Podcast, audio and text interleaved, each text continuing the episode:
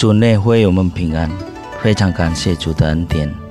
我们今天能再度参与读经运动反思。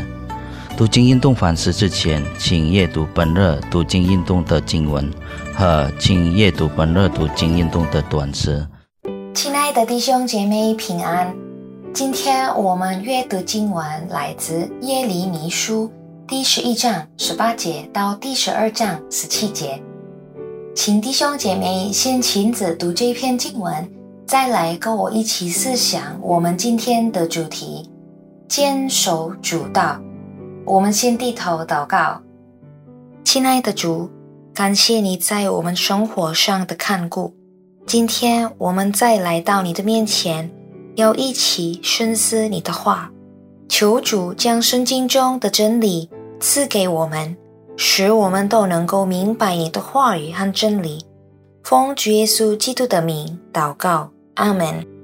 在理念或观念的较量中，通常不愿本着运动精神服输的一方，会不惜一切代价去扭转局势。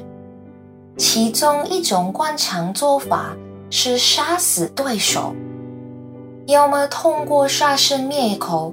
要么就破坏他的名声，这种诡诈手段是消灭真相的最简单方法。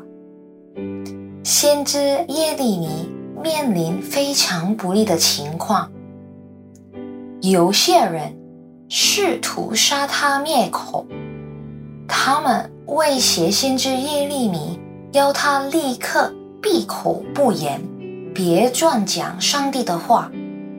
因为先知耶利米所传达的上帝的话，让他们这些活在罪恶中的人觉得非常扎心和不安。这些人拒绝上帝和上帝的话，他们的道路却是亨通的。先知因而悲痛、哀哭和叹息。第十二章第一节到第四节。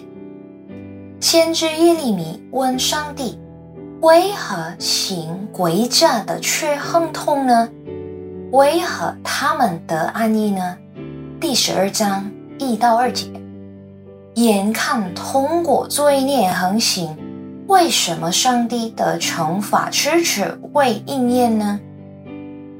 犹大犯了罪，他们不断拒绝上帝差来的先知。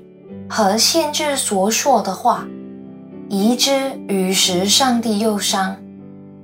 上帝决定对背逆他的子民显明他公义的处分。有罪的犹大民将失去他们所得的产业，被逐出以色列国土。上帝的惩罚也降临到威胁先知。耶利米的亚拿突然，上帝的话不会突然返回，上帝的话必按照他的旨意应验。上帝绝不允许他的仆人白白的为他的名受苦，即使上帝的仆人受苦，他也不会让邪恶得逞。您是否？质疑上帝话中的能力力吗？当您因恶人的行为而遭受苦难和不公时，您是否质疑上帝的关怀和公正？在耶利米书第二十九章十一节，耶和华说：“我知道我向你们所怀的意念是赐平安的意念。”不是将灾祸的一面，要叫你们幕后有指望。即使面临威胁和逼迫，务必建议不懈地宣讲上帝的真理，务必坚信拥护上帝的话是蛮有能力的。我们一起低头祷告，主，谢谢你今天的话语，感谢你在我们生活上的恩典。当我们面对苦难时，让我们记得你比我们发生的事还更大。